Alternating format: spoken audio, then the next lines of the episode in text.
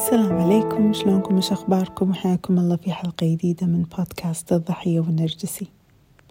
اليوم راح أتكلم عن موضوع طلبته مني اللي هو الأخ النرجسي والأخت النرجسية. ولاحظت أن صدق فعلا ما في حلقة سابقة تتكلم عن هذا الموضوع فيا وقته طبعا توصلني وايد وايد حالات من ضحايا الإخوان النرجسيين أختي مسوية كذي واختي واخوي ممشي البيت على مزاجه واختي تطق أمي وأبوي واخوي مسوي بلاوي بلاوي الاخوان النرجسيين وللأمانة أشوفهم يعني من أصعب الشخصيات النرجسية للتعامل معها اللي هم الإخوان النرجسيين.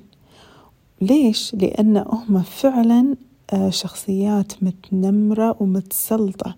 وفي حال أن الأبو والأم هم بنفسهم نرجسيين فيزيدون الطين بلة. وفي حال أن الأم والأبو مو نرجسيين راح يكونون الأم والأبو أمباث أو أمباثات أو راح يكونون people pleasers آه، شخصيات ترضي الناس. فالشخصيات ما عندها حدود شخصيات ضعيفة. فراح وهذا الشيء راح يخلي الإخوان النرجسيين يتسلطون بشكل مو طبيعي على باقي الأخوان. طبعا الأخ النرجسي وهو فرعون وهو اللي يعني يمتد أو تمتد نرجسيته من الأبو والأم. وهم مكنوه وهم خلوه يصير نرجسي. إذا هم كانوا نرجسيين راح نلاقي آه آه اختاروا هذا الشخص ك أو هذا الابن كطفل ذهبي في البداية فكان هو الجولدن بوي المدلل اللي كانوا يعني هم يفتخرون فيه كآباء نرجسيين. آه، راح يكون يعني ذكي أو عنده آه، جمال في الشكل أو عنده موهبة معينة. يعني راح يكون في سبب يخليه إنه هو محبوب بالنسبة حق أو مو محبوب بس مفضل بالنسبة حق الأم والأب النرجسيين. ولأنه هو أساسا عنده بوادر نرجسية فلما الأم والأبو يختارونه كطفل ذهبي آه، مني يكبر راسه وايد. وطبعا الأم والأبو النرجسيين يحبون أن عيالهم يشتغلون عندهم.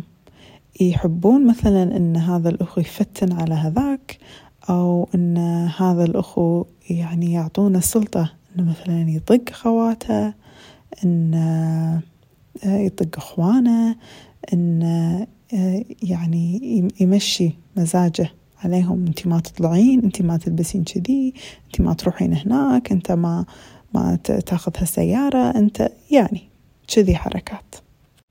عشان كذي دائما نقول أكثر واحد مهيأ. من أبناء النرجسيين إنه يطلع ويصير نرجسي وهو الجولدن بوي الطفل الذهبي.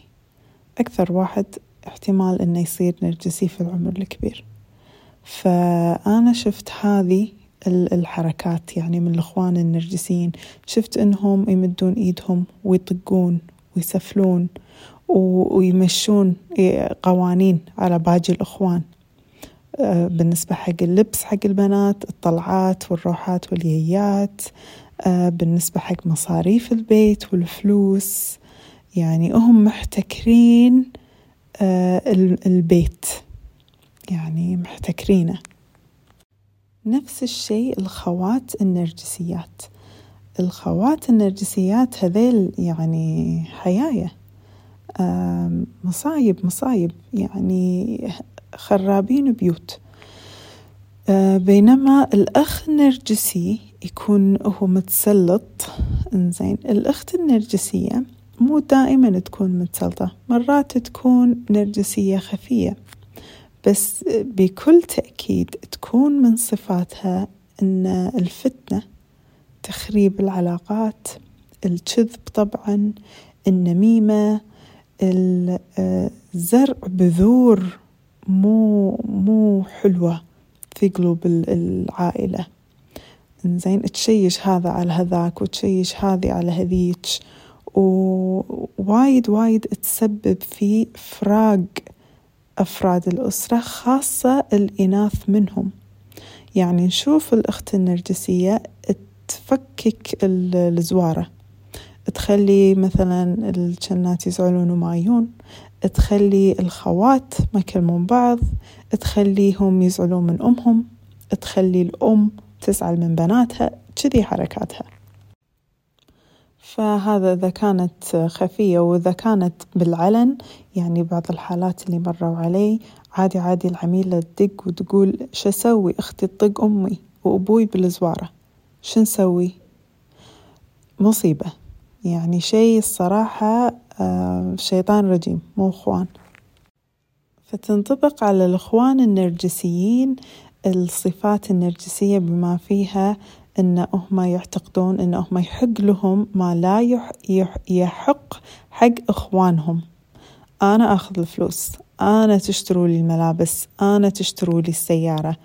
إخواني كيفهم؟ يصطفلون بالطقاق. المهم أنا أنا شنو السيارة اللي راح أسوقها؟ أنا نصيبي من الفلوس. أنا شكلي قدام الناس. أنا دراستي أولى. أنا مصروفي مفروض يكون أكبر. فعلا يعتقدون أن هم استحقاقهم أكبر من غيرهم. نشوف عندهم عدم التعاطف. يمدون إيدهم يعنفون. يعنفون جسديا يعنفون معنويا يعنفون ماديا كل أنواع التعنيف. آه، يحبون يستخدمون الصمت العقابي كوسيلة حق آه، إنه إنه يعاقبون فيها الإخوان. فنشوف إنه ما عندهم رأفة وما عندهم تعاطف وهذه طبعا من الكاركترستكس اللي تميز الشخصيات النرجسية. الإخوان النرجسيين ما ينفع نغشمر في موضوع الحدود معاهم. لازم الحدود معاهم تكون عالية عالية طول السنة. ليش؟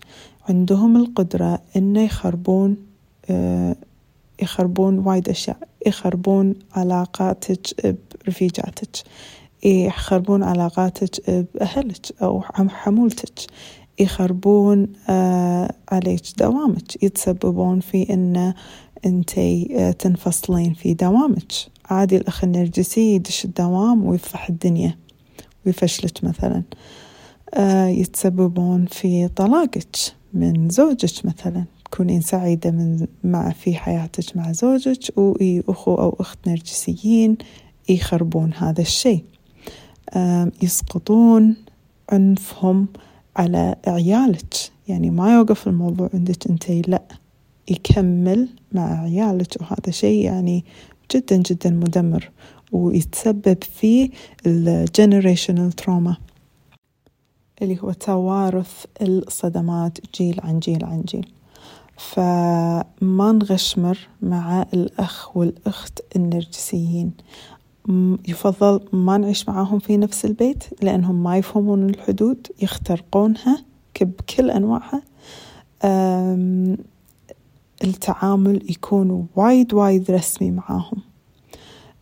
لازم ينحطون عند حدهم. إذا الأخ أو الأخت النرجسيين تمادوا جسديا أو أو مثلا تمادوا ماديا عادي ندخل المخفر بالسالفة.